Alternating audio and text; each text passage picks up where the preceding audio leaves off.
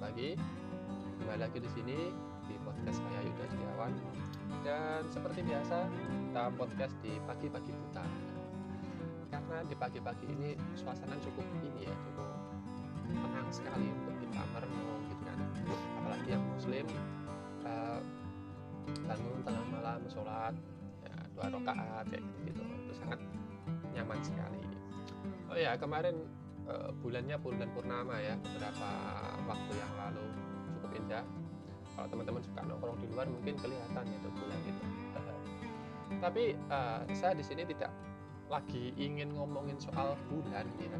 Karena uh, kita sudah memasuki bulan Juni yaitu pertengahan 2020 dan uh, corona masih belum usai ya. Kita nggak tahu sampai kapan corona ini uh, bakal usai ya dan semoga cepat selesai lah supaya kita bisa kumpul lagi dengan teman-teman kita hangout lagi main-main lagi ya kan ketemu dengan orang-orang yang kita sayangi yang kita kenal di luar sana yang mungkin sudah 2-3 bulan lebih ya 4 bulanan mungkin lama tidak bersua gitu. uh, ngomongin soal sahabat ya kemarin saya bikin podcast soal teman atau sahabat ya definisi sahabat itu lebih tepatnya karena uh, di podcast saya yang lalu saya merasa ya saya nggak punya definisi sahabat dekat itu yang kayak gimana gitu. Bagi saya teman ya sebatas ini sih. Ketika kita uh, ada butuh bantuan ya dia membantu. Dan ketika teman kita butuh kita bantu. Gitu aja sih. Saya nggak nggak punya definisi yang lebih soal sahabat deket deket banget. Itu yang kayak gimana gitu ya. Dan uh, kalau bisa dibilang sampai detik ini pun saya masih ini memikirkan ya. Bukan memikirkan tapi kepikiran gitu kan. Karena uh, sejak kecil ya sejak kecil hingga sekarang saya usia 25 tahun banyak sekali teman-teman saya itu. Dari berbagai latar belakang uh, kondisi dari latar belakang keluarga latar belakang uh, sosial dan sebagainya teman-teman saya banyak gitu kan. Ada yang ya alim-alim banget. Gitu. Ada yang sampai enggak alim banget. Kayak gitu tuh banyak gitu kan. Dan semakin kita bertambah usia tuh circle pertemanan tuh ganti-ganti gitu. Saya merasa seperti itu saya nggak tahu apakah uh, teman-teman yang lain juga merasakan demikian ataukah itu justru hal yang normal gitu ya. Sebagai contoh mungkin seperti ini. Ketika uh, kita usia kanak-kanak ya balita sampai usia 12 tahun kita mungkin nggak terlalu memilih-milih teman gitu ya pokok asal kita cocok sering main bareng kesukaan kita sama itu mungkin kita temenan sama orang seperti itu. Kemudian setelah kita uh, SD kemudian SMP kayak gitu kita ganti pertemanan. Karena ya nggak mungkin dong semua teman SD kita satu SMP juga. Kecuali memang SD SMP SMA nya itu jadi satu dan terus gitu ya. Pasti ada yang berpisah kan. Nah uh, dari situ kita ganti pertemanan gitu kan. Dan kita lebih cenderung memilih gitu kan. Misalkan uh, lebih kita lebih suka temenan sama orang yang kayak gini gitu kan. Walaupun kita belum memikirkan lebih jauh sih bagaimana uh, soal frekuensi pertemanan kayak gimana itu setelah kita SMA mungkin ya. Setelah kita SMA kesukaan kita udah mulai muncul hobi kita udah mulai kelihatan kayak gitu. Lah kita akan uh, berteman dengan orang-orang yang mensupport hobi kita atau yang uh, mendukung kebiasaan kita itu setelah kita kuliah atau bekerja pun akan berganti lagi seperti itu. Pertemanan akan ganti lagi. Tapi ada juga pertemanan yang dari kecil sampai dengan dewasa itu uh, awet gitu ya selalu ketemu bareng-bareng gitu kan selalu uh, ke mana-mana bareng kayak gitu-gitu. Uh, ada juga ya seperti itu. Tetapi kembali lagi uh, definisi sahabat itu apakah sekedar seperti itu gitu kan?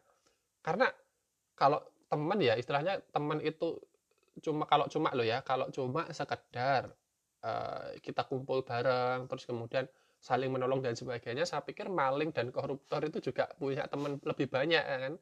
Lah kalau lagi korupsi itu kan saling menolong gitu ya saling membagi saling menolong saling menutupi gitu kan. Tapi kalau udah terungkap kasusnya itu saling lari dan sebagainya saling menyalahkan saling tunjuk saling melemparkan kambing hitam kayak gitu gitu ya kita lihat drama korupsi di negara kita kan kayak gitu ya.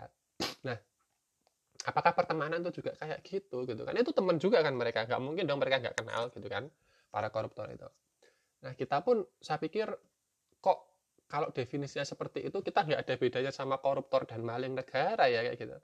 Dalam artian gini, pernah nggak sih kamu punya teman ke mana-mana bareng gitu ya? Misalkan uh, kalau sekarang ini partner in crime nyebutnya kan itu ya ada istilah partner in crime partner in crime itu kan partner itu kan pasangan ya atau teman gitu kan ya, ya teman teman in crime in crime itu kan dalam kejahatan berarti teman dalam kejahatan saya nggak tahu uh, itu istilah satir atau gimana atau uh, dalam bahasa Inggris itu diistilahkan sebagai apa. Tapi kalau saya terjemahkan ke dalam bahasa Indonesia ya nggak cocok gitu kan. Kenapa harus partner in crime gitu kan? Uh, kenapa oh nggak partner uh, in apa goodness dan sebagainya atau partner dalam kebaikan gitu kan? Atau partner in humanity partner in uh, apalah pokoknya yang baik-baik kan ada ya. Maksudnya kenapa harus partner in crime gitu kan? Yang mana artinya berarti kita lebih suka melakukan kegiatan yang nggak berfaedah dong. Kalau saya melihatnya gitu sih melihat dari sudut pandang itu. Karena bagi saya banyak istilah yang lain gitu kenapa harus partner in crime gitu kan? Mungkin ini uh, ke, uh, apa namanya kemarin juga dijelaskan soal itu sama temen bahwa oh maksudnya partner in crime itu nggak nggak berbuat jahat gitu kan jadi kalau ngapa-ngapain bareng selalu ke mana-mana bareng gitu kan. Tetapi terkadang saya berpikir bahwa ketika kita punya temen yang kayak gitu loh ya yang ke mana-mana bareng partner in crime itu ketika kita kena crime beneran kena ketika kita ter, eh, tersandung masalah beneran gitu ya terkadang teman-teman kita yang kayak gitu tuh nggak nggak dapat bantu apa-apa gitu loh. Bahkan cenderung lepas tangan gitu. Ada juga yang eh, sahabat ketika kita ada masalah tuh lebih kepada apa ya bahasanya tuh? Kayak kayak eh, ya udahlah itu uh, masalah itu pasti akan datang kepada setiap orang gitu gini jadi kayak kayak ngelepas gitu ya. Jadi nggak kalau saya ngerak ketika saya punya masalah saya bingung menjelaskan dengan bahasa yang baik ini mohon maaf ya. Jadi gini ketika saya punya masalah nih ya masalah yang membuat saya uh, down misalkan stres dan sebagainya saya butuh orang yang butuh bukan butuh orang aja ya butuh sesuatu yang uh, konkret gitu ya. Maksudnya ketika saya punya masalah ya saya pengen masalah saya itu selesai gitu kan. Setidaknya saya tahu jalan untuk menyelesaikan masalah saya dan itu nggak bisa saya dapat sendiri kan ya tentu dari orang lain dong. Jadi uh, kita uh, butuh orang gitu ya butuh orang yang lebih sadar. Ketika kita stres kan kadang kita nggak sadar diri ya kita butuh orang yang dia sadar diri gitu kan mengingatkan kita eh uh, harusnya gini gini gini gini kayak gitu kan. Oh iya tak saya salah tak oh berarti saya harus lewat jalannya seperti ini nggak kayak gini gitu kan. Tapi ada juga orang yang nggak tahu sih model orang itu kan beda-beda ya. Lebih kayak melepaskan gitu ya ya udah gitu kan. Itu masalah itu pasti akan berlalu gitu. Ya sekedar meringankan sih itu. Itu uh, cukup meringankan. Tetapi nggak memberi solusi gitu loh. Nggak nggak mencoba ngasih pandangannya dia gitu kan. Bahwa uh, mungkin kadang kadang gini ya kadang gini. Teman kita tuh galau. Galau sama pacarnya. Dia sama pacarnya tengkar gitu kan. Uh, terus kemudian curhat sama temennya. Temennya tuh ya kayak ya udah itu masalah kayak gitu tuh pasti terjadi gitu kan. Dalam hubungan tuh pasti akan ada uh, pasang surut dan sebagainya. Kamu bertahan ya kamu sabar. Terus uh, kamu bisa melalui ini semua. Ada juga yang malah ya itu emang cowok tuh semua kayak gitu dipanas-panasin gitu kan. Makin tambah panas. Ya emang semua cowok tuh kayak gitu gitu kan. Ya udah kamu kalau emang kamu merasa itu nggak sanggup dipertahankan ya udah lepasin aja kamu putus sama dia. Itu saya pikir kayak gitu-gitu tuh saya nggak paham ya. Ya kan pacaran itu sesuatu yang nggak berfaedah sih kalau dalam pandangan saya loh ya. Dalam artian kenapa sih harus pacaran gitu loh? Kenapa nggak eh, apa namanya ya udah temenan misalkan teman tapi mesra misalkan gitu gitu karena kadang ya saya sih orang yang nggak terlalu suka sama yang namanya pacaran sih ya. Tetapi kalau orang mau pacaran ya silakan aja gitu kan. Nggak usah cari saya nanti kalau ada masalah di akhirat maupun di dunia gitu kan saya udah mengingatkan bahwa pacaran itu nggak bener gitu kan. Maksudnya gini, ketika tahu itu tuh sesuatu yang nggak berfaedah gitu kan dan itu tuh buat apa sih kalau kamu tuh pacaran gitu loh belum tentu nikah juga kan gitu kan kenapa nggak temenan aja? Udah sekedar kenal gitu kan. Kalau ada suka ya udah simpen aja gitu. Suka itu simpen aja nggak usah pacaran kayak gitu gitu atau kalau saya pribadi ketika eh, misalkan saya pernah sih pengalaman pribadi ini ya. Saya suka sama orang dan orang itu juga suka sama saya. Oh ini jarang sekali loh itu ya orang jomblo kayak gitu. Saya suka sama orang ya wajar lah saya laki-laki men ya. Dan orang yang saya suka itu juga suka sama saya tetapi kita berdua ini sama-sama punya komitmen, sama-sama punya prinsip bahwa uh, ya jangan pacaran dulu lah gitu kan. Kita masih sibuk dengan urusan masing-masing kita saya sibuk dengan kerjaan saya dia sibuk dengan uh, cita-citanya dia dan kita nggak nggak pacaran gitu kan. Ya walaupun pada akhirnya kita juga nggak menikah juga. Tapi kan itu bisa ditahan gitu loh rasa itu. Lah kenapa kok enggak? Teman-teman yang lain kok enggak bisa gitu kan. Masuk ke yang tadi kenapa kok ketika teman kita curhat soal masalah pacaran kita nggak bilang aja Nah, emang kamu pacaran sama dia tuh yakin tadi dia itu udah bener-bener cowok yang benar gitu kan? Seberapa dekat kamu mengenal dia dan sebagainya. Dan bagi ini ya, kalau bagi saya eh, bukan cuma muslim sih kalau menurut saya semua agama tuh sebenarnya uh, sama aja kalau menurut saya ya. Kalau kita tuh takut takut terhadap Tuhan kita, takut terhadap larangan yang uh, dilarang oleh Tuhan kita, kita nggak akan melakukan sesuatu hal itu yang uh, bertentangan dengan keinginan Tuhan. Saya berpikir seperti itu. Kalau kita ingat Tuhan loh ya, kalau kita ingat Tuhan, kalau saya Muslim saya ingat Allah gitu kan. Ketika melakukan sesuatu, wah saya dilihat sama Allah nih, wah saya salah nih, nanti saya dilihat sama Allah. Dan begitu pula agama yang lain saya pikir sama kok. Kecuali kita emang nggak merasa dilihat sama Tuhan gitu loh. Dan emang kita nggak takut sama Tuhan. Ketika kita mau melakukan sesuatu, ya wes, sama pacaran ya udah pacaran aja. Padahal Tuhan nggak membolehkan gitu kan. Ya memang nggak ada rek di Alkitab maupun di kitab yang lain kamu janganlah pacaran. Nggak ada kayak gitu. Cuma tandanya kan ada. Kita nggak boleh uh, melakukan uh, zina nggak boleh melakukan uh, apa namanya perbuatan yang sia-sia kayak gitu gitu kan di dalam agama banyak ya ajaran seperti itu ya. Pacaran kan hal yang sia-sia gitu kan. Dan teman yang mengingatkan soal itu tuh kok rasa-rasanya dikit sekali gitu loh uh, maksudnya gini saya merasa teman kita tuh kadang merasa nggak enak gitu kan ketika kita mengingatkan hal semacam itu. Uh, udah tahu ya itu hal yang uh, salah gitu. Hal yang salah dan kita enggan untuk menyampaikan kamu harusnya jangan gitu. Ya mungkin ini sih mungkin karena kondisi uh, apa namanya emosionalnya lagi kacau kemudian kita jangan terlalu ngasih nasihat dulu malah nanti jadinya toksik ya saya tahu kalau itu. Cuma ketika emang dia sudah kembali normal moodnya tuh udah membaik kenapa kok kita nggak mengingatkan gitu loh? Ketika ya kalau emang salah salah aja gitu loh. Uh, kamu tinggalin dia udah kita fokus pada hal yang lain fokus pada cita-citamu kayak gitu. Itu kalau soal pacaran loh ya. Kalau soal yang lain kan sama aja sih konsepnya kayak gitu. Kadang kita tuh gitu kita uh, enggan untuk menyampaikan uh, kebenaran gitu kan. Maksudnya sesuatu yang benar tuh enggan kita sampaikan gitu kan. Lebih cenderung ya udahlah dia udah dewasa ini kalau dia punya masalah ya saya respon sewajarnya aja daripada tambah ribet nanti ruwet kalau bahasa Jawa ya. Kalau tambah ruwet gitu kan e, daripada repot nanti dan sebagainya. Bagi saya teman kayak gitu tuh nggak sebenar-benarnya teman sih. Karena teman yang sejati itu loh ya bagi saya kan saya nggak tahu definisi teman dekat itu kayak gimana. Bagi saya ketika saya punya teman dan teman saya itu mengingatkan saya ketika saya salah dan benar omongan dia saya salah gitu kan. Saya jelas melakukan kesalahan dan dia sampaikan mas kamu, kamu salah gini harusnya nggak gini gini gini. Oh iya dah ternyata saya salah. Karena ketika saya melakukan kesalahan itu banyak orang yang nggak suka gitu kan. Dan kalau banyak orang yang nggak suka ya jelas kehidupan saya nggak tenang dong. Masa saya mau ngomong ya saya nggak butuh mereka ini urusan saya dunia saya adalah dunia uh, saya pribadi bukan dunia mereka. Saya tidak makan dari mereka. Itu orang yang sangat songong kalau menurut saya. Itu sombong sekali. Bagi saya kehidupan itu saling imbal balik lah. Ada ada hubungan di antara kita semua. Walaupun saya mungkin nggak suka sama orang dan orang itu nggak suka sama saya tetap akan ada hubungan dari itu gitu loh. Dalam artian nggak secara langsung ya walaupun uh, kita nggak berhubungan secara langsung pasti ada hubungan-hubungan yang lain yang akan terjalin dari situ. Nah kalau kita punya teman tetapi nggak mau mengingatkan kita dalam kebaikan dan justru cenderung uh, membiarkan kita dengan alasan ya daripada bikin repot nanti daripada dia e, ngambek daripada nanti kita malah semakin jauh justru kalau temanmu itu menjauh ketika diingatkan dalam kebaikan ya itu berarti dia nggak layak jadi teman kamu gitu loh nggak cocok jadi teman kamu.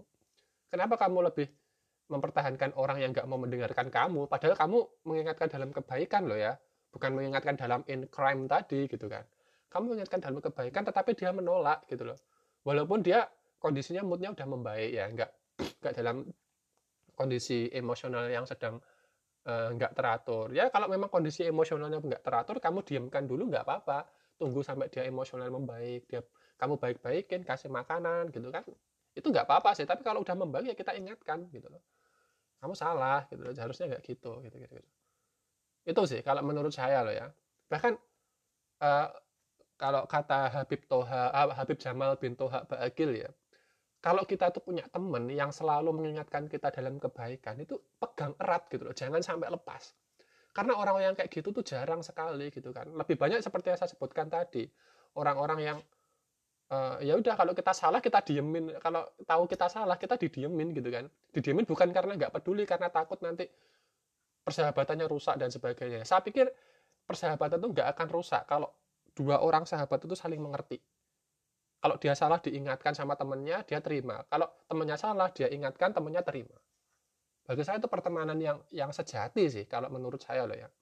Kalau orang nggak mau diingatkan ya sudah berarti memang dia menolak untuk itu ya sudah biarkan saja gitu aja. Kalau dia memang sudah benar-benar menolak dan dia bebal loh ya nggak mau e, menerima nasihat ya sudah biarkan nggak usah dinasihati lagi. Nanti kan gugur tanggung jawab kita kita e, tanggung jawab kita kan mengingatkan. Kalau sudah seperti itu ya udah gugur tanggung jawab kita. Jadi di akhirat kita tidak akan punya beban itu lagi gitu loh. Itu sih. Mohon maaf ini saya agak pilek ya kalau malam-malam kayak gini. Sering nggak nyaman di hidung saya. Makanya agak sentrap sentrup. Itu sih kalau dari perspektif saya soal uh, sahabat itu buat apa kita punya sahabat tapi nggak mau mengingatkan kita dalam kebaikan? Kita tahu sahabat kita berdosa tetapi kita diemin gitu loh. Itu sahabat apa itu kan? Malah dan kita senang dengan orang seperti itu gitu loh. Daripada uh, diingatkan tuh malah nggak nyaman gitu kan risih. Apa sih ikut-ikut campur urusan orang lah ya gimana? Teman kita tuh maksudnya baik malah kita nggak nggak nyaman gitu. Kita, kita lebih senang sama orang yang justru mendekatkan kita pada kemudorotan apalagi gini kita itu perempuan ya misalkan. Banyak karena uh, banyak juga teman saya perempuan tuh yang berjilbab tetapi masih pacaran kayak gitu gitu terus masih ketemuan gitu kan mesra-mesraan gitu ya. Ya saya mikirnya nggak dari perspektif agama sih. Kalau dari segi agama udah jelas salah, Rek. Saya yakin salah. Tapi ayolah, mungkin teman-teman yang masih usia 18, 20 ya, 20, 19, 20, 21 itu masih berpikir oh pacaran tuh enak gitu kan penuh penuh keindahan. Rek, kalau kamu udah usia 25, 24, 25 ke atas itu lucu. Kamu akan mengingat masa-masa kayak gitu tuh masa-masa kita tuh bego banget gitu loh ngapain pula saya pacaran itu buang-buang waktu buang-buang duit buang-buang pikiran saya memikir seperti saya merasakan sayang dulu itu kayak gitu gitu kan. Di usia yang sekarang tuh apa ya mikirin pacaran kayak gitu tuh udah nggak nggak butuh gitu ya. Udah kalau mau serius ya nikah gitu aja. Makanya kalau saya mengingatkan teman saya yang pacaran tuh nggak pakai dalil agama gitu loh. Apa sih faedahnya pacaran gitu loh? Dan kenapa teman-teman tuh kayak ngeyel banget gitu loh soal pacaran itu. Malah diingat kadang gini ada yang diingatkan kamu tuh pacaran tuh salah gini gini dia nggak menjawab gini nggak menjawab apa sih urusan gue nih? Ikut campur urusan orang aja nih. Diriku adalah diriku gitu kan. Nggak sih nggak akan mungkin sih kalau di zaman sekarang ngomong kayak gitu. Tetapi lebih ke bilang gini e, ya ya aku tahu itu salah tetapi aku berat mau meninggalkan itu. Aku udah terlanjur kayak gini aku bingung. Halo kamu tuh udah tahu kamu salah. Ya udah jangan dilakukan lagi walaupun kamu nggak bisa meninggalkan itu sepenuhnya minimal berhenti. Berhenti melakukan dulu. Berhenti melakukan pelan-pelan menjauh pelan-pelan kemudian melepas. Itu pelan-pelan aja gitu loh. Kamu nggak harus melepaskan gitu aja tapi pelan-pelan jangan dilakukan dulu. Intensitasnya dikurangi kemudian nggak melakukan sama sekali kemudian baru ditinggalkan. Ya kalau kamu tuh udah jelas salah ya kamu menyadari kamu itu melakukan kesalahan ya udah diperbaiki gitu loh bukan malah kamu sadar dengan itu dan malah melakukan itu gitu loh. Saya sebagai teman ya maksudnya saya punya teman yang kayak gitu gitu loh.